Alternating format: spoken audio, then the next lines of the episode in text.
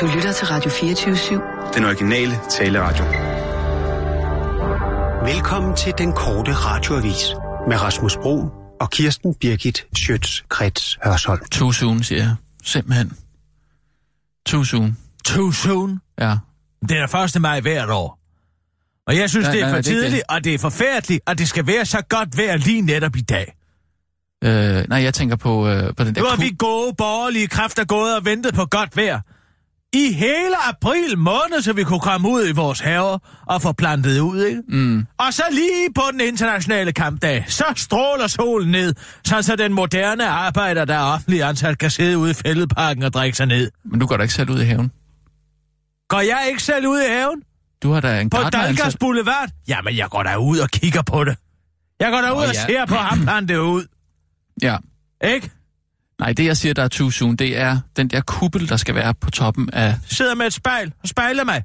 Så der er også undersiden af min hage for sol. Ja. Jeg siger bare, du er heller ikke selv en arbejder i haven, vel? Jeg er sgu ikke nogen arbejder. Nej, nej, nej. Det påstår jeg sgu da heller ikke, vel? Det er jo først der, det bliver latterligt. Jo, jo, Når der står sagde- 10.000 mennesker, som er funktionærer i det offentlige, og, og, og gymnasieelever, og folk på offentlig forsørgelse, der står ude i fældeparken og påråber sig øh, øh, øh, arbejdernes ret. Hvor her bevares vi har ikke noget produktionsapparat øh, overhovedet i Danmark længere, vel? Lindøværftet er lukket, der er ikke noget det. Det skulle da lige være slagteriarbejderen, der kan påkalde sig og, og, være, og være arbejder, men de er jo også lukket efterhånden, ikke? Men det, det er, derfor er det Hvis man, måske er også vigtigt. hvis man er funktionær i det offentlige, så er man ikke arbejder, så er man lakaj. Det er lakajernes internationale kampdag. Lakajernes. Ja, det var det. Det er også vigtigt, at man tager ud og viser solidaritet med, Med dem. hvem? Med hvem? Med arbejderne. Altså robotterne. Nej, øh, Det er de eneste rigtige arbejdere, der er tilbage. Jamen, det var ikke lige dem, jeg tænkte på. Men altså... Nej, det jeg siger, der er soon, det er det øh, øh, rundetårn der. Der skal bygges en, en kuppel på den, og så en rusjebane ned. Det er jo ikke mere end et år siden, der var en, der begik selvmord derfra. Men der er altså, ikke en russebane. En rusjebane? Jo, det tror jeg. Begik selvmord en russebane? Nej! Altså, nu er der, der er jo en eller anden japaner, der vil bygge sådan en, en, øh, en kuppel op på, på toppen af, Ja, ja, det er jo så af rundetårn. Det er jo så moderne. Og så skal der være en, en uh, rusjebane, der går ned. Det er jo ikke et sted, hvor man... Forstår Sådan, jeg, stadig ikke forstået, hvorfor vi hvide mennesker konstant skal ligge under for japanernes vanvittige idéer. hvad er det for nogle vanvittige idéer? Ja, vanvittige idéer. Gå der ind og se på, hvad sex har udviklet sig til de sidste 100 år på grund af de vanvids mennesker. Øh, hvad har japanerne med sex at gøre? Sådan, som... De har da overtaget hele industrien. Så nu skal vi andre sidde og se på letbeklædte skæveøje risknosker sidde i en go-kart med en dildo påspændt på. Det gider jeg da ikke at se på. Hvad er det for noget, du har googlet? Hvad jeg har googlet? Jeg har da ikke googlet noget som helst. Jeg er blevet det øh, vist. Du- Nå, der er nogen, der viser til dig. Ja, der er nogen, der har vist det til mig, og personen hedder Morten Sabro, og han har sendt mig en video med det. Han synes, det er fantastisk Hvor interessant. ja, hvor hvad? Hvor der sidder en håndfuld, ja, det er vel et bagerdusin, og øh, japanske kvinder, let påklædte kvinder, uden, øh, uden noget øh, tøj på underetagen, ikke? De er bundløse, mm. i en go-kart, der også samtidig agerer en Sybian-maskine. En hvad? En Sybian-maskine. Hvad er det for en Sybian? Hvad er det? Ej, masser. Spiller du idiot nu, eller hvad? Nej, nej. Må jeg have lov til at spørge, om, du, om det er koketterende, det du har gang i? Nej, jeg ved simpelthen ikke, hvad en Sybian-maskine er. En Sybian-maskine er et øh, automatiseret onani-aggregat til kvinder. Nå, I En det her tilfælde var dildoen fuldstændig puff, øh, i stedet for sædet. Der var et hul i sædet, hvor en, di- en dildo var påspændt øh, kardangakslen på øh, go-karten. Jo hurtigere øh, kardangakslen snurrede rundt, jo hurtigere kørte dildoen op og ned. Det er, hvad japanerne gør ved os alle sammen. Jamen, altså en go-kart. I en go-kart, og så havde de et vedløb. Jamen, altså, det lyder som om, der er 100 kattekillinger, der blev slået ihjel på samme tid. Det tror jeg, der pokker. Og så på japansk, ikke? Jo, jo. Krydret med motorlyden og et togtakter. tv-show, eller hvad? Jeg ved ikke, hvad det er for noget, han sidder og finder på. Men altså, det er jo sådan noget, japanerne de bruger tid på at udtænke. Tænk engang, at der er stået... Ja, der må jo have været 100 mænd involveret i det her. Mm, Så elaboreret det skal være. mm. Hvor, hvor har du set det hen, siger du? Er der et link, eller hvad? Nå, Nej, det er da bare fordi, jeg synes, det Nå, er... nå, nå. Jamen, det er da fordi, det lyder det, så det er absurd. pludselig så interessant, hva'? Nej, det er da Men det ikke... kan vel ikke komme bag på dig, at japanerne har den mest mærkværdige seksuelle fantasi. Nej. Ach, apropos kardangaksel, så kardangakselolien er også røget ud af min nye motorcykel, og min mekaniker er ikke på arbejde, fordi han kalder sig også for arbejder. Hvor her med var, så ejer skulle da værkstedet selv. Hvad, hvad er det for en motorcykel? Er det for en ny motorcykel? Jeg har solgt min Hayabusa. Nå, Jeg synes ikke, det var interessant at køre 300 km i timen mere. Det er de dage, jeg er overstået. det må man jo heller ikke. Hvad? Det må man jo heller ikke. Køre 300 km i timen. Prøv at fange mig, siger jeg. Ja. Du kan da bare prøve at fange mig. Nej, jeg har købt en gammel BMW fra 77. Nå, R100 RS. Lækker, lækker køren. Jeg kørte okay. på den selv, på ja. Isle of Man TT sammen med Joey Dunlop tilbage i 1978. Han var arbejder. Det kan jeg love for. Han var en rigtig arbejder, og hvad? han havde krudt i røven. et vedløb, eller hvad? Har du kørt? Ja, Man TT, jeg var overdægtet. Nå. Jeg så- var overdægtet for ugens rapport. Jeg var lige det blevet færdig med at... Har du skrevet for ugens rapport? Ja! Det har jeg Ej. da. Det har vi sgu da stort set alle sammen. Så du kender Kurt Tybo? Jeg kender Kurt Tybo. Jeg har siddet og fortalt dig mange gange, hvordan vi drak Sivas, da vi skrev de grå sider. Nå, var ja, altså det, jamen, det, jeg vidste ikke, det, Det, det, det var foregik på. fantastisk, fantastisk reportage. Nå. Og Der kørte jeg på en gammel B- BMW R100 AS, du ved, med boxermotoren, ikke? Øh, Det var det, der gjorde BMW kendt. Boxermotor. Ja, Jeg har en boxermotor på en motorcykel. okay. De lavede den første model R32 Ja. tilbage i, ja, det er vel tilbage i 20'erne. Det er jo det, der har, øh, det er jo det, der har lavet det hele. Øh, Bayerische Motorværk lavede jo motor til øh, krigsmaskinen, ikke sandt? Men Aha, efter ja. Versailles-freden i øh, 1918, mm. der blev det jo, der måtte de jo ikke længere bygge øh, flymotorer og så videre, så videre. Så lavede de simpelthen en lille boxermotor, mm. en R32, ja, det har vel været 400 kubik, eller sådan noget, den duer ikke 200 kubik per cylinder. En boxermotor, to cylinder, fire takt. ja. Og øh, det blev simpelthen en gigantisk sælger, Ja. den her. Det er det, der er grundlagt hele den moderne BMW, som vi kender det i dag. Men så lavede de jo så op i 70'erne de her store R100, altså 1000 kubik. Så. Fantastisk drejningsmoment. De er et svinghjul på størrelse. Jamen, altså, det forstår du slet ikke. Og så er Ja. selvfølgelig kardantræk meget sikkert. Men altså, den er sprunget. Nå. Skruen. Okay, ja. Så nu er der altså... Ja, det er jo transmissionolie ud over det hele, ikke? Det er noget Nå, det værd, råd. det. Jeg tør ikke at køre med, for det kan blive for varmt, og det svejser sig sammen simpelthen. Du skal det have fat i mekaniker, Det Ja, det er jo det, jeg siger. Ja. Men jeg kan ikke komme ud til, nu er det solskin, og nu vil jeg gerne ud og køre på min motorcykel. da og det klart, kan ja. jeg ikke, og jeg har lige fået øh, altså, en cremefarvet dragt. Øh, en cremefarvet dragt? Til, altså spacerdragt, eller hvad? Nej, til en motorcykeldragt. Den er helt cremefarvet, super duper. Nå, sådan, altså, øh, udst- altså motorcykeltøj? Eller Ja, sådan et motorcykeltøj. læderdragt? En læderdragt. Læderdragt, ja, Ja. okay. Nå, i creme. Ja. Meget strapsiddende. Nå. Utrolig ægler. Okay. Nå. Det. Det kan, man kan lige se det for sig. Ja. Ja. Nå, Men dem kan han vil jo ikke lave den i dag, fordi han er arbejder, lader han som om, ikke? Ej, Den lader som om, hvad? Siger du ikke, han er mekaniker? han er mekaniker, ejer Så er sgu da det også- værkstedet selv. Jamen, Så er man jo selvstændig erhvervsdrivende, ikke? Bare fordi, men altså det er går blevet sådan, at moderne arbejder tror, folk er en, der arbejder med anerne. Hvor her bevares. det vil jeg da også sige. Kender du en arbejder? Om jeg kender en arbejder? Ja, må jeg have lov til at høre. Kender du en jeg- arbejder? Om jeg kender en arbejder? Ja, må jeg høre. Hvad, hvad, hvad vil du høre? Jeg vil høre, om du kender en arbejder. Ja, jeg kender en arbejder. Nå, Selvfølgelig kender jeg en arbejder. Hvem? Hvad mener du? En ven? Hvad mener Ja, du? jeg har en kammerat. Som er arbejder. Hvad laver han? Ja. Jeg, øh, jeg, har, jeg kender en, der er elektriker. Elektriker.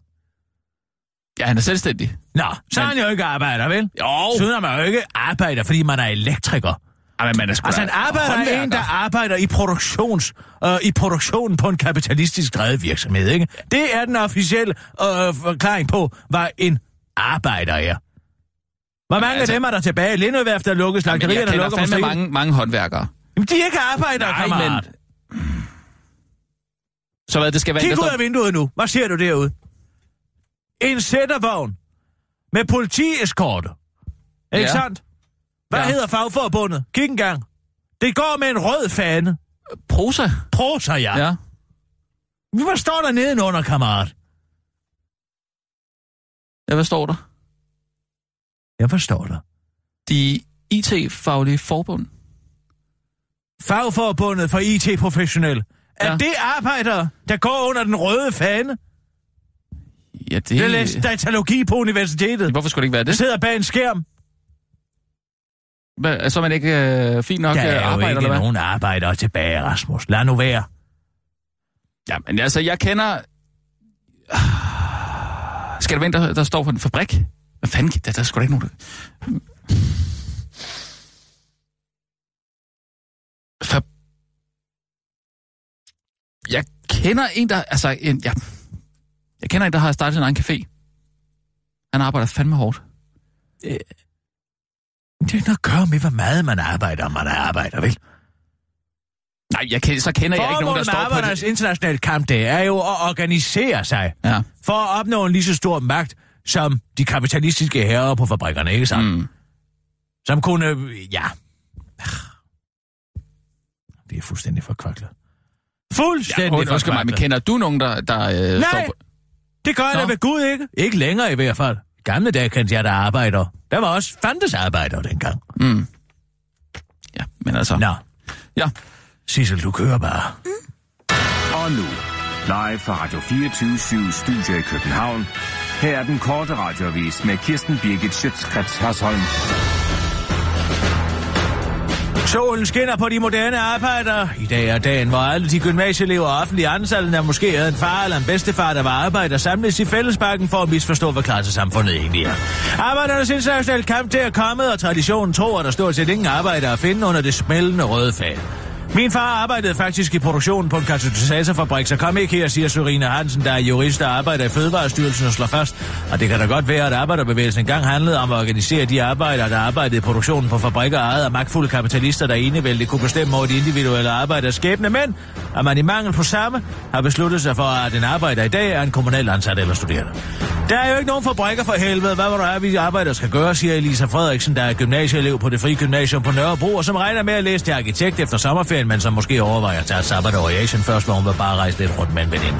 Det lykkedes til sidst en kort radioavises udsendte rapporter at finde en enkelt arbejder i fældeparken, Siemens robotarmen X1000, der til daglig, er, til, der, til daglig arbejder på vindmølle på fabrikken øh, Vestas, men som er taget helt til hovedstaden i solidaritet med den stigende robotarbejderklasse, forklarer og robotten til den korte radioavis. Og den siger, at den også har taget initiativet til at få internationale oversat til binært. 1 0 0 1 0 0 0 1 0 1 0 1 0 1 0 1 0 0 0 1 1 0 1 0 1 0 1 0 0 1 0 11010, biber armen. Mens en funktionær i Arbejdsskadestyrelsen med en faderlig hånd pisser den over soklen, mens han mundrer noget om solidaritet.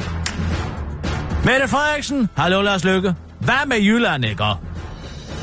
Har regeringen glemt, at Danmark er mere end København? Det spørgsmål stillede Socialdemokraterne tids formand Mette Frederiksen i sin 1. maj-tale tidligt i morges på fritidscenteret i Randers. Vi behøver ikke at være ens, men vi behøver at have en fæld, en, øh, at være fælles med hinanden. Og det er altså som om, at regeringen har glemt, at Danmark er mere end nogle få postnumre nord for København, sagde Mette Frederiksen og kom derefter med en opremsning og opsang til Lars Lykke. Lettelser i topskatten, ikke nogen progression i boligskatten, nej til togfonde, store besparelser på ungdomsuddannelserne overalt i provinsen og færre vindmøller. Hallo, Lars Lykke Rasmussen. Jylland findes faktisk stadig, afsluttede ærkejyden Mette Frederiksen, som altså selv er født i Aalborg, hvis du skulle spørge fra nogen. Men Lars Lykkes øh, jydeglemsel har altså ikke noget på sig, hvis man spørger manden selv. Hallo, Mette Frederiksen. Jeg tænker faktisk ikke på andet end jyder.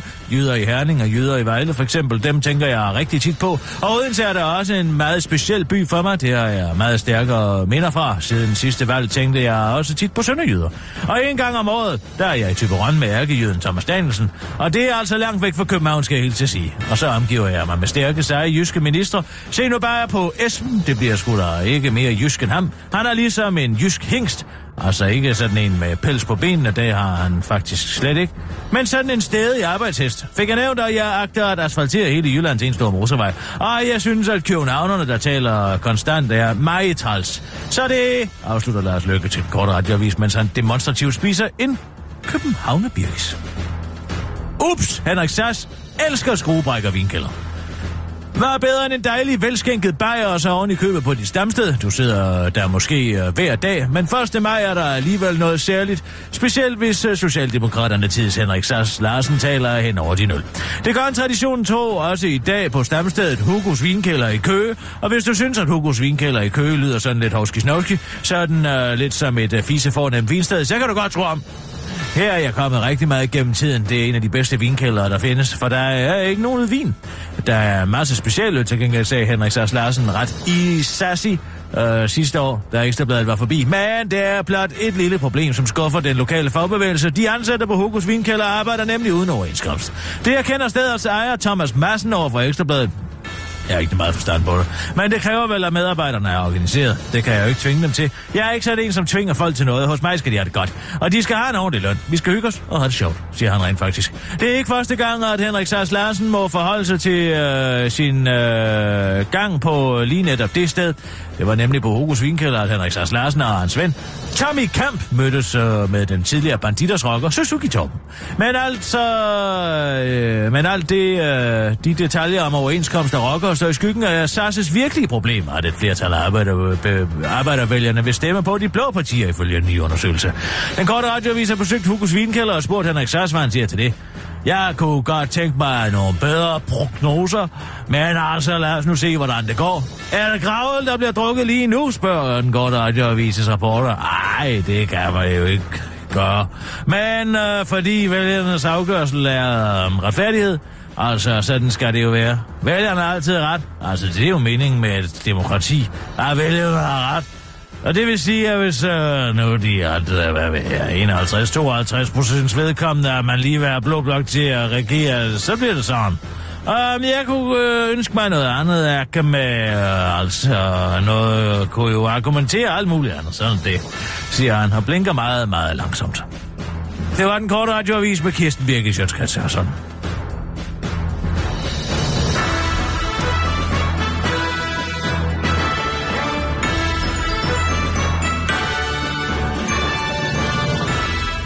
Ja tak, Kirsten. Jamen, det er jo ærgerligt, at man ikke kan være udenfor, ikke, på en eller anden måde. Altså, vi, vi, vi, vi kunne godt have sendt ud, ud fra, Nej, fra parken. nej, nej, nej, nej. Endelig ikke. Så kunne vi da vi have... skal jo alligevel gå om, en, om 10 minutter eller sådan noget. Hvad? Hvad siger er du, min pige? Men det er jo halv fridag. Halv fridag? Ja. Hvad for noget? Er det det? Nej, nej, nej, nej, det er det ikke. Mm, Jeg troede, vi alle sammen skulle til fællesparken. Nej, Sissel, det har du da misforstået. Ja, du arbejder måske. ja, er jeg ikke det? Er du det? Hvor I består dit arbejde og arbejder? Dit arbejde og arbejde. Jeg arbejder jo for, for Rasmus og dig. Ja, det gør du da. Og så har jeg jo ikke nogen uddannelse. Det gør mig vel lidt til arbejder, gør det ikke? Har du ikke nogen uddannelse? Har du ikke gået gymnasiet? Jamen, jo, så selvfølgelig. Men øh, vil du gerne ind og øh, være solidarisk? Ja, det tænkte jeg. Altså Ja. også når det er så godt vejr. Jamen, øh, men hvornår øh, kan du... Men kan, hvad så med nyheder? Hvad med folkets nyheder, Sissel? Jeg har jeg tænkt, altså Ole Steffensen er jo alligevel konservativ. Så altså, han har jo ikke noget mod at blive her. det er Så faktisk kunne vi rigtigt. bare lave to. Så kan man ligesom slå halv skade. Slå halv skade? Altså Sissel, hvis Jeg du tror, tror, okay at du også skal efterlade dit arbejde i utid, fordi du skal ind og drikke dig fuld i solidaritet med arbejderen, der mm. ikke findes inde i fældeparken, så kan du godt tro ham igen. Jamen, har du øh, aftalt med nogen at mødes derinde, eller hvad? Er du overhovedet medlem af en fagforening? Nej, Nå, det giver ikke rigtig mening, synes jeg. Det er jo et ret dyrt kontingent og sådan noget. Det er meget dyrt, ja. Ja. Det er det. det, er det. nå. Så du er ikke engang organiseret arbejder, hvis du. Nej. så skulle have kaldt dig arbejder? Nej, okay. Men er det ikke fint? Jeg har taget solcreme med. Jeg vil, altså, men skal, er det, skal vi ikke... Øh, hvis det alligevel er halv fridag?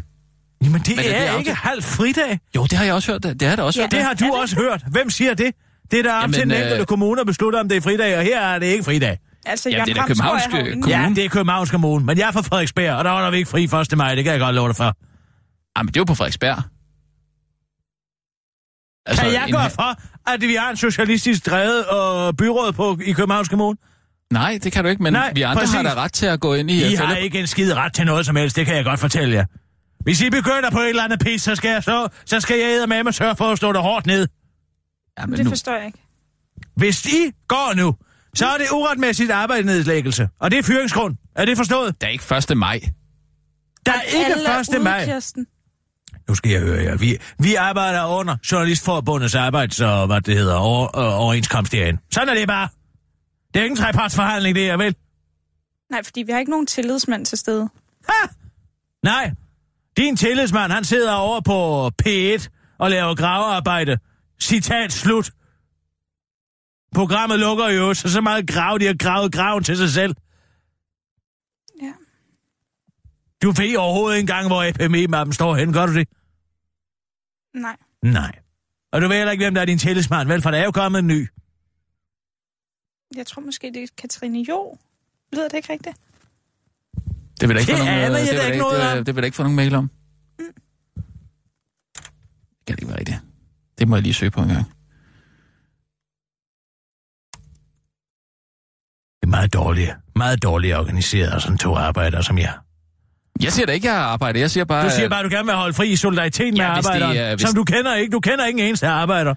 Nej, men derfor kan man da godt vise en solidaritet over for dem, der er arbejdere. Og hvem er det? Jeg er ikke nogen, jeg kender. Men der er der masser inde i øh, fældeparken, for eksempel. Er der det? Ja, det gør jeg da stærkt ud fra. Åh, oh, jeg tror måske, jeg kender en arbejder. Hvem? Jeg gik på kostskole med en pige, der hedder Lærke, Ah. som måske arbejder på en minkfarm, tror jeg. Som Øh. hendes far arbejder, Ej. ejer. Det vil sige, hendes far ejer den, så er hun jo ikke arbejder. Men hun er vel ansat af ham. Jamen altså, det var dog det glade vanvid. Men det tæller vel? Hun har selv økonomiske interesser i den fabrik. Undskyld, men er det nu noget med, at man skal kende en arbejder, for at man kan få lov til at tage ned i fældeparken? Du skal bare sige mig, sin hvor de fridag. findes, kammerat. På sin fridag. Hvor er der arbejdere henne her? Fortæl Her- mig, hvor der er en arbejder Her i det danske studiet, samfund. eller hvad? Nej. I det her land? Ude på slagterierne. Åh, oh, fordi jeg har sagt det. Og hvor ligger de efterhånden inde? Når det bliver nedlagt det ene efter det andet, så ser jeg jo ikke dig gå under det røde flag, vel? Nej, men så bliver, de, øh, så bliver arbejdspladserne flyttet til udlandet, men derfor kan vi sgu da godt... Altså, det er de polske slagteriarbejdere, Ja, det skal vi da også vise vores solidaritet du, du, du, du, er med. Ja, Ja, og dem, der er på tøjfabrikkerne. ja. Mm. I Kina. Men det er jo forvejen et kommunistisk land. De har det jo så godt, som de overhovedet kan få det dernede i det socialistiske Kina, ikke? Jamen, derfor kan man da godt vise en solidaritet med, øh, med alle dem, der ikke har det særlig Prøv høre her. Jeres desperate forsøg på at sidde slå røven i græsset og drikke bajer en hel solskinsdag, den kommer ikke noget med her. Hvor var den solidaritet sidste, sidste år, da det lå på en søndag og regnede? Der var ikke nogen af jer, der var i fældeparken, var der det? Nej, men det var jo en... Øh, Fordi det var en søndag. Ja, og det er lidt svært at tage sine øh, børn med ind til sådan et... Øh, Nej, nej, nej, det er da en familiezone, ikke? gøre. Ja. Der er da en familiezone derinde, har jeg set. Det er jo zoneopdelt i år. Jamen, det var det ikke Men du vil år, måske jeg. ind i solidaritetszonen, i stedet for at være inde i, i familiezonen. Det er bare, når det er godt vejr, og det i forvejen er en halv fri dag. Så synes jeg... Det er ikke en halv Og fridag. de har også fået food trucks nu. What? Mm. Så man skal ikke engang have en piknikkur med? Nej, det tror jeg ikke. Den eneste grund til, at du ikke vil derind, det er fordi, øh, at du ikke kan komme på geranium. Så synes du, at så skal vi alle vi andre straffes. Alle vi andre straffes. Ja. Nej, hvis vi ikke kan komme på gøren, så holder vi en ganske almindelig arbejdsdag. Sådan er det. I to, mand. I sad derhjemme og spillede Mikado sidste år, fordi det var en søndag. Ja, du gjorde måske ikke. Men Sissel gjorde i hvert fald. Tænker, I skammer jer. Man til hyggeleri skal man lade med med lede længe efter. Og du kan godt lade være med at stå der og se sur og surmule, Sissel. Du kommer ingen steder, er det forstået? Men vi skal kun have to nyhedsudsendelser. Nej, det skal vi ved Gud, Nej, ikke? det kan vi altså godt gøre i solidaritet med arbejderne. Ja, et, et kompromis eller et eller andet, ikke? Så mødes vi på halvvejen. Nej, det er ikke en forhandling, det her. Nu Men tager vi nogle nyheder, og vi arbejder en fuld arbejdsdag. Og I bliver siddende herinde, til det bliver mørkt. Er I Det forstået? bliver mørkt. Det så kommer I slet ikke ud. Hvis I skal opføre jer på den måde, så kan I få lov til at sidde indendør hele dagen lang. Hvorfor skal du bestemme det? Fordi I er nogle hyggelere. Men altså, man skal, man skal simpelthen være slagterimedarbejder, for at man kan få lov til at tage ned i fældeparken og hygge sig lidt på en solskinsdag. Selvom det er en halv fri dag. Nej, men man skal fandme bruge resten af året 364 dage på at kæle arbejdernes sag. Og jeg har et kompromis. Nej, os synes høre der er ikke noget. Lad Vi os går høre i det. torvhallerne, Mm, køber mm. lidt lækkert, Ja. lidt vin, Ja. lidt østers måske. Rigtig god idé. Sætter os i hos Ørstedsparken. Hos Ørstedsparken. Ja, der er vel også sol. Og så er det også ligegyldigt, hvilken, hvilken park det er. Jeg kan godt se det fornuftige i det. Så mødes vi på midten, Kirsten. Nej, vi mødes ingen steder. I bliver herinde til klokken 17 i dag. Nå, det skal du bestemme nu. Ja, det skal jeg Jamen, bestemme. Fint. Jamen, øh, fint. Lad os tage nogle nyheder. Ja. Sissel? Mm? Jeg er ked af, at jeg desværre er nødt til at sige klar, parat, skarp til dig.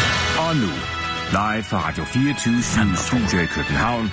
Her er den korte radiovis med Kirsten Birgit Schøtzgrads Hvad sagde du? Hasholm. Hvad sagde du? Vi er multikulti, bare ikke på ledelsesplan. Det halter med mangfoldigheden i de danske organisationer, der selv arbejder for netop mangfoldighed, skriver Jyllandsposten, der måske i anledning af det gode forsvær har sat sig for at punktere de frelste. I 10 organisationer, der arbejder med nydanskere, integration af flygtninge, er kun 4 ud af 61 ledelsesmedlemmer således anden etnisk baggrund end dansk. Selvom man måske skulle tro, at folk, der selv har oplevet integration, ville vide, hvad der virker i en organisation, der arbejder med integration. Men slap lige af en gang, siger generalsekretær i Dansk Flygtningehjælp Andreas Kamp. For selvom det øh, der godt nok ikke lige øh, sidder nogen ikke etnisk danske i flygtninge, øh, dansk flygtningehjælps ledelse, så sidder der en masse af muslimer rundt omkring i organisationen, tænker Anders Kamp. Uden at jeg har gjort det op, så tænker jeg, at en meget stor del hos os har muslims baggrund, siger han til DR at at dansk flygtningehjælp citat ansætter de bedste efter de kompetenceprofiler, vi har opstillet på forhånd. Og, og der leder vi specifikt efter midalderne etnisk danske mænd uden vision overhovedet. De er de bedste ledere og ved mest om integration og den slags tilføjer Andreas Kamp til den, den korte radiovis og tilføjer, det er jo også er derfor, at det hedder Dansk Flygtningehjælp og ikke anden etnisk herkomst end Dansk Flygtningehjælp. God kampdag. Shit, det bliver koldt i stedet for varmt snart. Hvis du er en af de mange almindelige danskere, der citat, er ved at brække dig, citat slut, hver eneste gang du hører om klimaet og kødfri mandag og tirsdag og onsdag og torsdag og fredag og global opvarmning osv., så, så kan du glæde dig over, at det måske snart er slut med snakken om global opvarmning i Danmark. Det viser sig nemlig, at det som konsekvens af den globale opvarmning bliver koldt i stedet for varmt i Danmark. Det lyder ulogisk, medgiver William Kolgan, der er en af forskerne bag og sidste uges klimarapport fra Arktisk Råd til politikken, for han til den korte radiovis forklarer, at forklaringen er meget teknisk, men at man øh, måske skal anskueagtigt Arktis som et gigantisk køleskab, der er gået i stykker. Og så rådner maden jo, tilføjer han til den korte radioavis og understreger, at køleskabet er en metafor for Arktis, mens den rådne mad er en metafor for klimaet. Hmm, siger klimaminister Lars Christian Lillehold til den korte radioavis og fortsætter. Vi har på regeringsplan afholdt øh, os fra at gøre noget ved klimaforandringerne, fordi vi godt kunne tænke os lidt varmere vejr i Danmark. Så kunne det nemlig være, at folk ikke var så rasende hele tiden. Men hvis det bliver koldt i stedet for varmt, så må jeg hellere begynde at passe mit arbejde, afslutter han, før han øh, begynder at, øh, før han læser videre i rapporten og erfarer, at det koldere Danmark vil give mere makrel og lettere adgang til olie, mineraler og andre ressourcer. Ja, lad os se, hvad der sker til for. God kampdag! Anders Morgenthaler til danskerne. Det er overraskende let at være klimabevidst, hvis du bare vil. Og det vil Anders Morgenthaler meget gerne, derfor tager han og familien der Teslaen, når de skal på ferie til Italien og bruger det med nul benzin, forklarer tegneren, filminstruktøren og forfatteren til DR.dk. Og det var faktisk lejende let at køre til Italien i sin Tesla, fordi der er et meget udvidet elnetværk, hvor man bare kan tanke gratis. Rejsen tog selvfølgelig lidt længere tid, fordi vi ofte skulle lade, men så blev transporten også bare en del af rejsen derned. Og faktisk følte vi det som en luksus, at vi var nødt til at sætte tempoet ned og tage et par overnatninger undervejs, siger Anders Borgenthaler til DR og forklarer til den korte radioavis, at det selvfølgelig er lettest at have en Tesla, hvis man ikke bor i en lejlighed, fordi det er noget bøvl med en forlængerledning ud af vinduet og sådan noget. Men Morgenthaler havde allerede i forvejen en villa på Amager med en garage, så det var, ret, det var en ret let beslutning for ham at købe bilen, der koster 1,5 millioner kroner. Men det stopper ikke der, for udover at tage Teslaen på ferie, og altså kun flyver nogle gange i forbindelse med arbejde, selvom Morgenthaler går og håber på noget syntetisk brændstof, som man forklarer til Danmarks Radio, så spiser morgentaler heller ikke kød. Vi køber næsten aldrig selv kød. Det, der sker, når man vender sig til det, er, at man øh, ikke føler et savn efter det, eller et tab af livskvalitet ved at øh, skulle undvære det, siger han til DR og tilføjer, at han faktisk slet ikke spiser kød længere, bortset fra en anden på restaurant. Men det stopper heller ikke der, for Anders Morgenthaler har også fundet ud af, at hvis han venter med at købe det tøj, han godt kunne tænke sig til 24 timer efter han har set det, så Øhm, øh, øh, er det ret tit, at han slet ikke køber det alligevel. Og det er godt, fordi tøj sviner, selvom man forsøger at købe det fra Portugal, Italien og Spanien, fordi der så ikke er børn, der har lavet det. Men det stopper heller ikke der. For Anders Morgenthaler starter og også begyndt kun at købe tøj i genbrugsbutikker, helt uden at være blevet op- opfordret til det. Men det stopper heller ikke der, hvis du skulle tro det, for Anders Morgenthaler bruger også halvdelen af sin løn på at investere i startups, der forsøger på at gøre noget godt for klimaet. Og måske skulle man tro, at det var virkelig svært at leve klimabevidst, men det er faktisk ikke tilfældet, forklarer Anders Morgenthaler til DR. Jeg har faktisk været overrasket over, hvor let det har været at træffe de her valg. Og det kommer bag på mig, hvor lidt det føles som et tab af livskvalitet. Men tværtimod, som et bedre liv, siger Anders Morgenthaler til Danmarks Radio og tilføjer til den korte radiovis. Så det er bare at komme i gang. Den korte radiovis har talt med Jonna, der er egentlig mor til to og spurgt, hvor, spurgt hende, hvorfor hun insisterer på at voldtage planeten dag efter dag. Jeg ved det ikke. Jeg synes bare, det er så svært at finde tid til at handle tøj to dage i træk, afslutter Jonna til den korte radioavis. Det var den korte radioavis med Kirsten Birke Sjøtskrets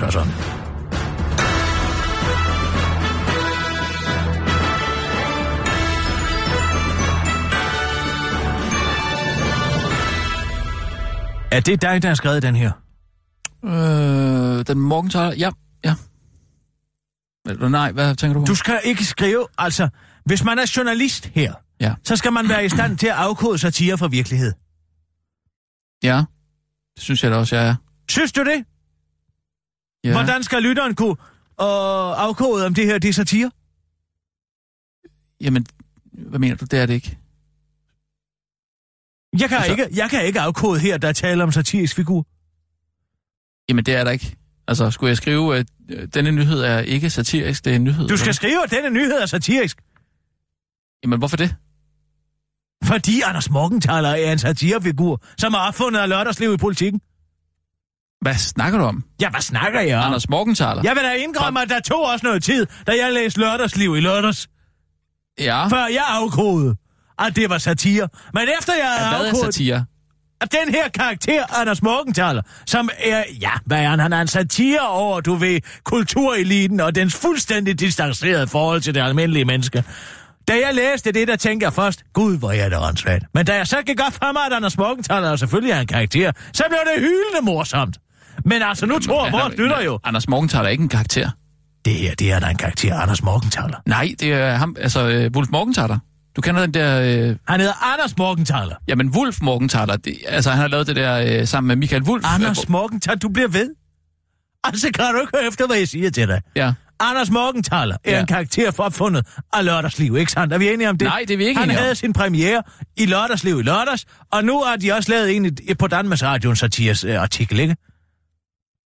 Det er jo for at sætte fokus på det her, i den, den her elite, som ingen siger eksisterer, ikke? Men som alligevel har så distanceret et forhold til det almindelige menneske, at, jamen, det er jo hyldende morsomt. Har du ikke læst den artikel, eller hvad? Jo, jo.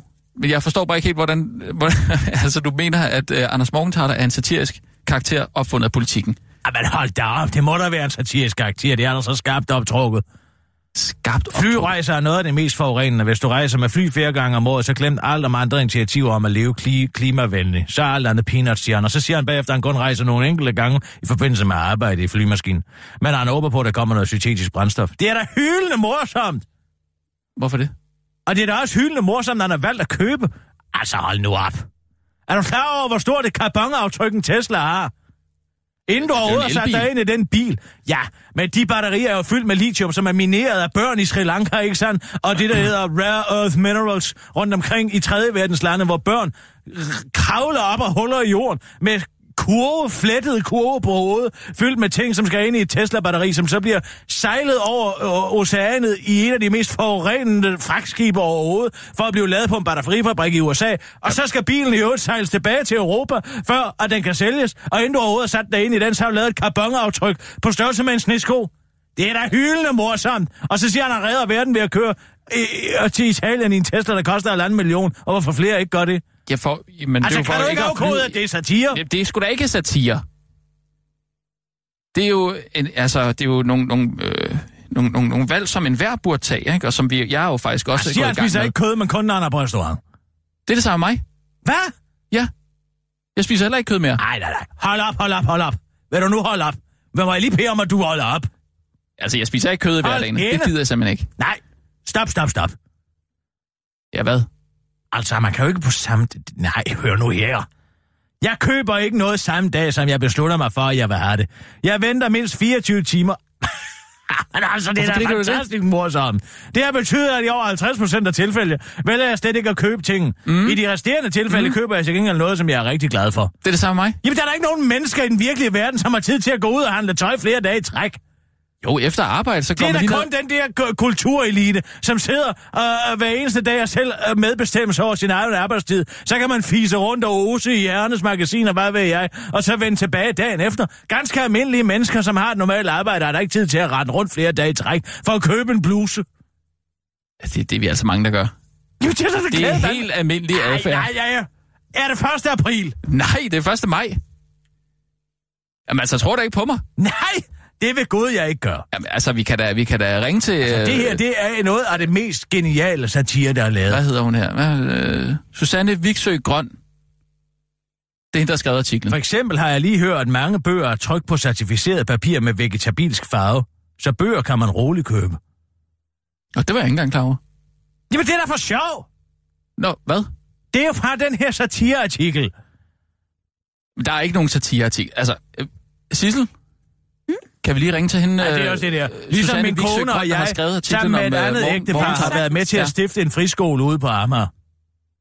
Jamen, det har han da. Den grønne friskole. Hvad? Nej. Jo, hvor, hvor der er fokus på bæredygtighed. Den ligger desværre ude på Amager, så, så øh, Lille og Iben kan ikke gå der. Der er for langt, ikke? Men øh, det er da super fedt. Det fedeste er, at han giver halvdelen af sin løn til sådan nogle øh, grønne startups og sådan noget. Der. Jamen det er jo, altså, det er jo ikke nogen almindelige mennesker, der har råd til det, der er derfor det er så sjovt. Altså, hvis man tror, at den almindelige dansker har et rådighedsbeløb, som tillader, at man bruger halvdelen af sin udbetalte løn på grønne omstillingsstartups. Mm. Mm, tænk, hvis du gjorde det, Kirsten. Tænk, hvis jeg gjorde Ja. ja. det. Jamen, det har der ikke råd til. Er du klar, hvor meget jeg betaler i ejendomsskat? Du betaler da ikke noget. Ah, jeg betaler i princippet en ejendomsskat, ikke? På næsten 200.000 om året. I princippet. I princippet. Penge, som i princippet kunne gå til den grønne omstilling, måske. Ja, nu har jeg fået vurderet huset meget lavt inden for det her vurdering, men altså ellers så... Ja. Jeg kender en ejendomsskat. Men du ved, hvad jeg mener, ikke i princippet? Mm. Ja. Hvad med at tage veganerudfordringen? Kommer jeg til at tænke på. Alternativet, de har sådan en udfordring, hvor man øh, på øh, 21 eller 22 dage skal, øh, skal prøve at omlægge sit... Øh... Hvad er det? Sissel. Mm? Bare fordi du er mopset over, at du ikke kan sidde og drikke bare inde i fældepark, så behøver du ikke at stå og lave stamp. Er det forstået? Hvad? Jeg smed bare Du noget skal ud. ikke stampe i protest herinde, det vil jeg slet ikke have. Jamen, jeg smed bare noget ud.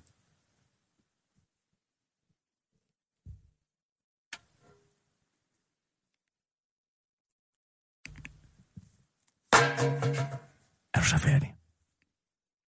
Skal ikke have Hvad? et eller andet socialistisk proteststamp her? Stil den kost fra dig, Sissel. Ja. Du skal ikke begynde at stå og stampe med den kost. Det er utroligt. Jeg tror bare, hun prøver at passe sit arbejde og feje gulvet. Sådan. Ja. Det er da ikke Sissels arbejde at feje gulvet. Nej, er det fordi, det er 1. solidaritet. maj? Jamen, I solidaritet med hvad? Jamen, Med den indvandrer, andre der går fri, og arbejder for. ISS her? ja, de har det også fri i dag. Jeg går ud fra, at nogen har givet dem fri. Men jeg synes, det er en god idé med den der veganerudfordring, Rasmus. Ja, det, bliver ikke, ja, det er jo ikke nogen udfordring for mig, men øh, hvis I andre Fordi du på går det- på restaurant fire gange om ugen, jo ikke? Nej, så meget bliver det heller ikke til. Men altså, ja, hverdagene, der, der holder jeg fuldstændig øh, kødfri. Men jeg har faktisk tænkt mig at lave et nyt initiativ til satirsdag. Ja, Jeg stjæler den her karakter. hvilken karakter? Hvem er det, der spiller ham? Jamen, der er jo ikke nogen, der spiller ham. Det er Anders Morgenthaler. Han er jo, det er ham, der har lavet... Ja, ja, øh, men hvem er inde i Anders Morgenthaler? Øh. Er det en af dem fra linje 3? Det er Nej. ikke Anders Birkegaard, er det det? Nej, det er det ikke. Altså, øh, du, du kender godt... Øh, øh, hvad er det mest kendte? Er det Oliver Sahl? Øhm, er det Oliver Sahl, der har nej, fundet på det? Det er nej. lige noget for ham. Flodhesten Dolf. Kan du huske den? Det er Lars Ladu. Hvad? Ja. Nej, den der Dolf, flodhesten, øh, som øh, Jonas Schmidt spiller. Det er jo Wolf Morgenthaler, der Det har... er da Lars Ladu. Nej, det er det ikke. Hvad er Lars, det du lavet? Lars Ladu? Ja, for selvsving. For selvsving, det er da ham. Nej, det er det ikke. Jeg De ved, har jeg bare malet ham blå. øh, nej, det er sådan en... Øh, det, det er jo... Øh, altså, du kender den, de der tegninger i, øh, i politikken, som det laver Wolf Morgenthaler, ikke? Ja. De der, den der stribe. Nej. Altså, han Hvad? hedder Anders Morgenthaler. Du ja, bliver men. Wolf, han laver det sammen med Michael Wolf, stand-up-komiker. De har Ja, det kæmpe stor succes. De har fået solgt det til hele verden, altså. Nej, det er ikke en karakter. Anders Morgenthaler, i samarbejde med Wolf Morgenthaler, laver... Men det passer fint. Så laver jeg noget, der hedder Wolf og Morgenthaler. Ja, nej, til satirsdag. Det er sådan to medlemmer af kultureliten, ikke? Som ikke rigtig ved, hvordan. Altså, det, den almindelige... Som er miljøbevidste. Det er det sjove. Det skal der gøres grin med, de miljø, miljøbevidste. Ja, ja. Jeg tænkte på, at man kunne lave, øh, og de i, i den folk... Jamen, jeg tænker, at de skal være sådan lidt affekteret, ikke? De skal tale sådan lidt. Være sådan lidt affekteret. Forstår du? Nej. Der siger, der, så skal jeg for eksempel sige sådan noget, var, kæft, du ser godt ud, Wolf. Nej, du ser godt ud, Morgenthaler. Nå. Men så siger de så, øh, Hvorfor kører de fattige ikke bare i Tesla? Det er da sjovt. Slukker du også for, øh, for, for den opvarmede pool, når du tager på ferie for at redde klimaet? Ja, ja. Eller et eller andet, ikke? Der er noget rytteriet over det. Det er, det er, jo, det er jo snopperne, ikke? Du har stjålet den fra, ikke? Altså, er snopperne. Mm. Det ved jeg slet ikke, hvad du taler om. Jeg siger, jeg har fundet på to karakterer, som hedder Wolf og Morgenthaler. Jeg har ikke fundet på Morgenthaler, det er klart. Wolf Morgenthaler. Men altså, hvis de to sidder og taler med hinanden, ikke? så kunne de for eksempel i den første, første sketch i morgen, jeg er i gang med, jeg har plantet et frø, synge sangen, jeg er så glad for min Tesla. Den kommer hurtigt rundt omkring, ikke? Mm. Og det, du ved, den er en gammel sang. Men hvorfor skal der gøres grin med, med folk, der prøver at redde miljøet? Men det er dem, der starter. Dem, der starter. Det er den der karakteren Morgenthaler, der er begyndt det hele. Jeg følger bare op på det. Ja, vi kan kalde ham noget andet. Morgenthaler. Altså, jamen det er ikke... Jeg ved ikke, hvordan jeg skal forklare det. Sissel, ved du, hvordan man skal forklare det her? Det, altså, Andreas Morgenthaler. Jamen, ja, han hedder man skal- Anders Morgenthaler. hvis der er et eller andet med, de har copyright på ham, eller et eller andet. Jeg ved ikke, hvem der, Jeg der ved står ikke, for hvad jeg, skal, hvad jeg skal gøre for at fortælle dig, at uh, han ikke er en satirisk Er det karakter. Peter Frodin? Nej, han er altså Hel, ikke nej, sjov. det, det er det ikke. Altså, det er Anders Morgenthaler. Nej, jeg tror ikke, han har taget sit eget navn. Sissel, Mm? hvordan... Øh, altså, hvad, hvad, hvad, hvad gør man her? Hvordan kommer vi videre herfra? Mm. Det handler vel om... Hvem vil du spille? Jeg vil gerne spille Morgenthaler. Jamen, Kirsten, det er jo fordi, det er rigtige personer. Hvad siger du, Sissel? Anders Morgenthaler er en rigtig mand. Ja, han er en rigtig mand. Han har taget sit eget navn, så har han lavet en karakter. En satirisk karakter, der vil redde klimaet. En Tesla ad gangen. Nej, jeg Nej. tror, han er sådan... Det tror jeg også. Er det ikke også noget med, at de har et bæredygtigt kontor? Jo, det har de. Vesthavet? Jo, jo, det er rigtigt. Og de har øh, altså simpelthen... Nej, stop, stop, stop. Nu har I rettet jer sammen mod mig for at tage næsen på mig. Ej, det har vi ikke. Jo. Nej, Nej, men vi kan da godt ringe til DR. Og hvad skulle man få ud af det, Sissel? det er det, jeg prøver at sige. Det moderne er jo, at man ikke ved, om noget er satire eller ej. Det er, hvor mange, der hopper på den. Ja, men du så hoppet på noget, der ikke er satire. Det, det er Du- da jer, hvis I tror, Du det er, er så... faktisk, du er en first mover på det område der.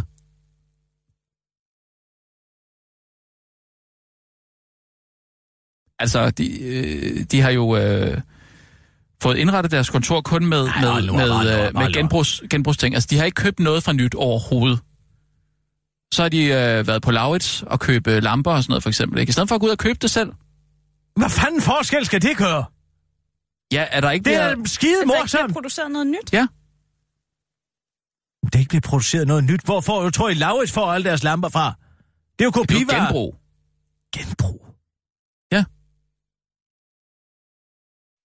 De, har, de I kan sorterer også godt deres droppe affald. det. I kan godt droppe det i to. Og I kommer ikke ud og drikke øl i fældeparken. Jeg, jeg sorterer også affald nu, for jeg har, fået, øh, jeg har fået lejlighed med have nu, så jeg har fået en kompost. En kompostbær. Mm. Mhm. Nej, en, en kæmpe, altså ude i haven, en kæmpe bunke. Jeg skal sgu nok blive fed af Anne, eller hvad? Jamen, altså, er du med på det- den her vidighed nu, eller hvad? Der er ikke nogen vidighed, Kirsten. Det handler om, at vi alle sammen er nødt til at ændre den måde, vi lever på. Og skære ned på vores kødforbrug, for eksempel. Og droppe de der lange flyrejser. Og i stedet for... Jamen, øh, Kun når det er i kør- arbejdsmedfører, så må man gerne flyve planeten rundt. Nej, der er jo ikke nogen regler for det, men altså, hvis... Øh, altså, hvis han nu kan tjene mange millioner på at, at rejse til USA, så kan man sige, hvis han så bruger halvdelen af de penge på grønne startups, ikke? så har han jo givet rigtig meget tilbage. Og hvad så? Hvordan skal en almindelig kassemedarbejder kunne gøre det? Men altså, lidt har også ret. Altså, drop kødet for eksempel. Kød er jo også dyre Ja, det er det. købe. En grøntsager. Så altså... tror jeg ikke, at du har prøvet at leve af grøntsager. Er du klar over, hvor dyrt det er? Altså, jeg synes jo virkelig, når jeg laver mad derhjemme, Nej, nej, nej. så gør jeg det, at øhm, jeg laver for eksempel to-tre forskellige salater til aften. Og så bare det, at man ikke bruger kød i, øh, i aftensmaden der, det gør, at man lige koncentrerer sig lidt ekstra om at lave øh, nogle rigtig gode, velsmagende salater. Og øh, hvad, hvorfor så du griner? Det er da for sjov, ikke? Nej, gud, det er ej for sjov. Hvad er det? Hvad foregår der her? Kan du nu ikke bare sige, når du laver sjov, når du ikke laver sjov? Jamen, jeg laver ikke sjov. Jeg prøver at fortælle dig, at hvis man koncentrerer sig om at lave en, en salat, og man ved, der ikke er noget kød til, så, så bruger man ligesom salaten som udgangspunkt, som hovedretten, som altså kernen i aftensmåltidet. Og det gør, at man simpelthen lige strammer sig ekstra an for at få det til at være super velsmagende. Ja, ja. Og- Hvor på ja. Ja, altså, øh, så kan man faktisk få, øh, altså hvis du er bange for, at salat ikke smager godt, eller det er, øh, det er sådan noget kaninføde, eller sådan noget, hvad, hvad du kunne finde på at sige, ikke? Altså, øh, Ja, altså, jeg har en aftale med kaninerne. ja, den kender jeg godt. Hvad går den så ud på? Ja, at øh, du rører ikke ved deres... Øh, Præcis! Ja.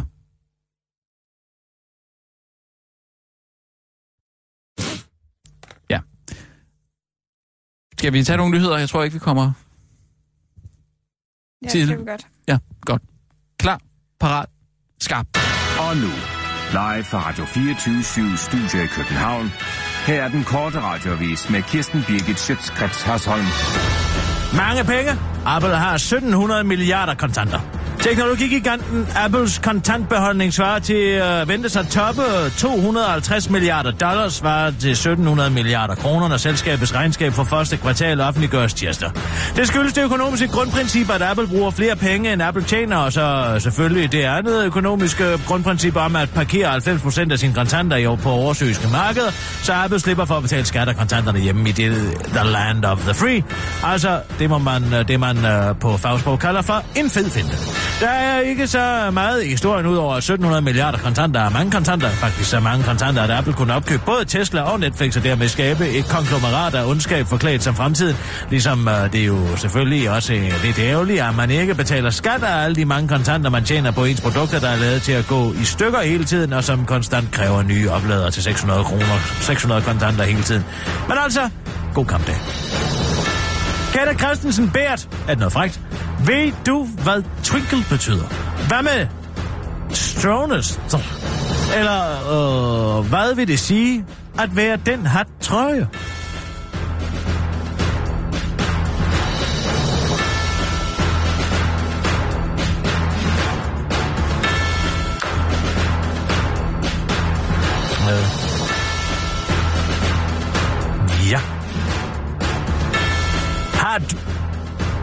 Ved du, hvad twinkle betyder? Hvad med strånest? Eller hvad vil det sige, citat, at være den... At være den hat trøje?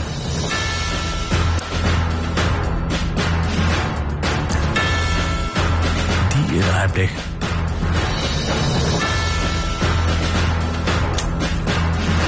Ved du, hvad twinkle betyder? Og hvad med... Hvad med strånest? Eller hvad vil det sige at være den hat trøje? Nå. Nå, har du ikke svaret, er du lige så klog på de ord, som eleverne i 6. klasse på Sjørslev skole i Kjellerup. Til deres nationale test i dans bliver de lige blandt andet mål på deres ordforråd, men eleverne i den midtjyske skole er svært ved at gennemskue overstående ord. Det samme havde deres lærer Tina Lorentzen. Nej, okay. En elev kommer op til mig undervejs i testen og spørger, om jeg kan læse, hvad der står, for det kan han ikke, siger hun til Danmarks Radio og fortsætter. Jeg tog et billede af ordet, for jeg synes, det så underligt ud, og jeg vidste ikke, hvad det betød. Hun kontaktede derfor undervis- undervisningsministeriet, men fik ikke noget svar. Det gjorde P1 til gengæld, og de fik at vide, at ordene altså er fuld af pyg og skyldes en teknisk fejl. Men uh, det har ikke afholdt DR fra at spørge forskellige politikere, om de ved, hvad ordene betyder. Til spørgsmålet om, hvad twinkle betyder, begynder Socialdemokraterne tids Mathias Tesfaye at synge Twinkle, Twinkle, Little Star. Og da Dansk Folkeparti's Christian, Kenneth Christensen Bær bliver spurgt om, hvad twinkle er, svarer han.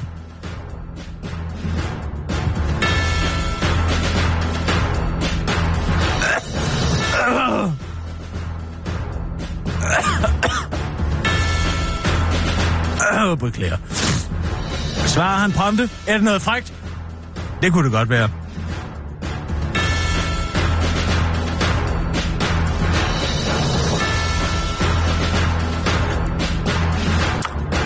Jeg tvinker til dig, eller sådan noget.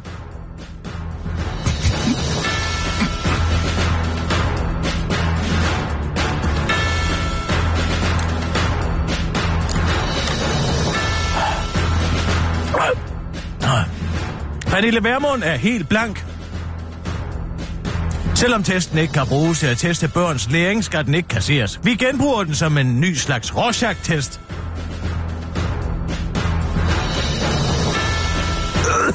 I stedet for blækklatter ser vi bare på, hvad folk får ud af volapykord. For eksempel en børnesang.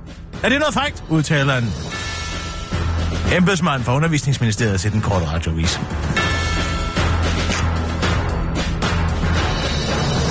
Der er ekstremt meget godt at sige om fremtiden, bortset lige fra den ene udfordring der.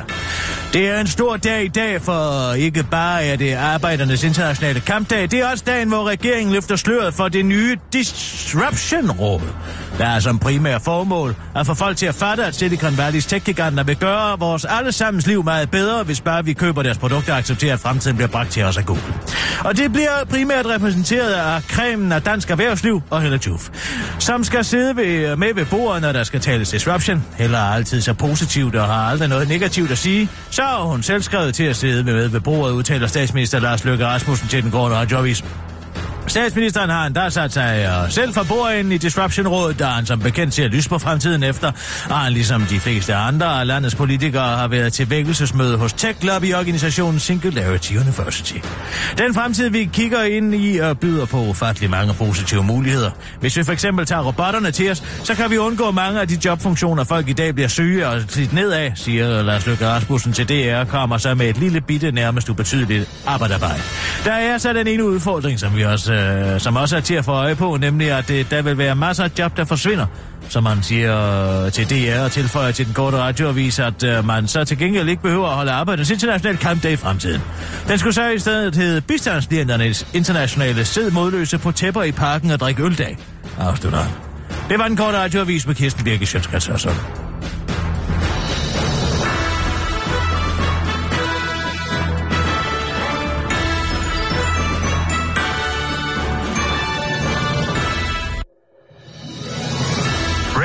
news og den korte radioavis.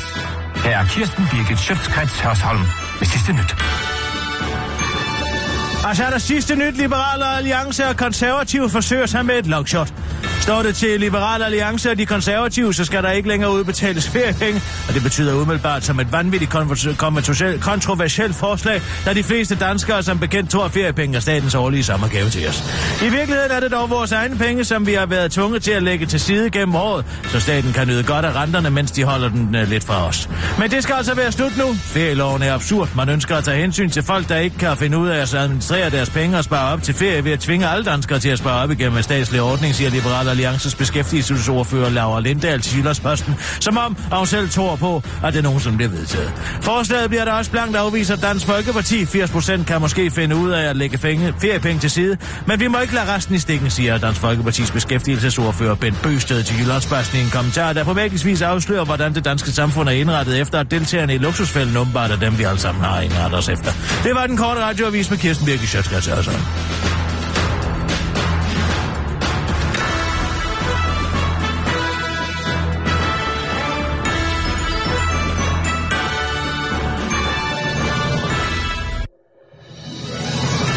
Breaking news fra den korte radioavis. Hvad- hvad- det Her er. Kirsten Birgit Schøtzgrads Hørsholm. kommer jo ind. Sidste Kommer ind nu.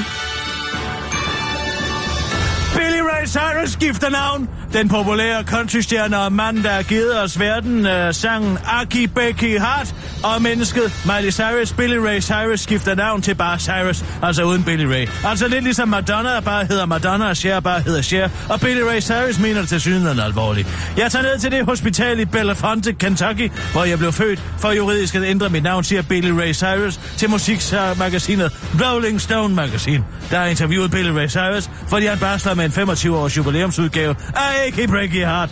Så kom ikke her og sig, at der aldrig sker noget i din hverdag. God kampdag. Det var den korte radioavis med Kirsten Birke Sjøtskrets og sådan.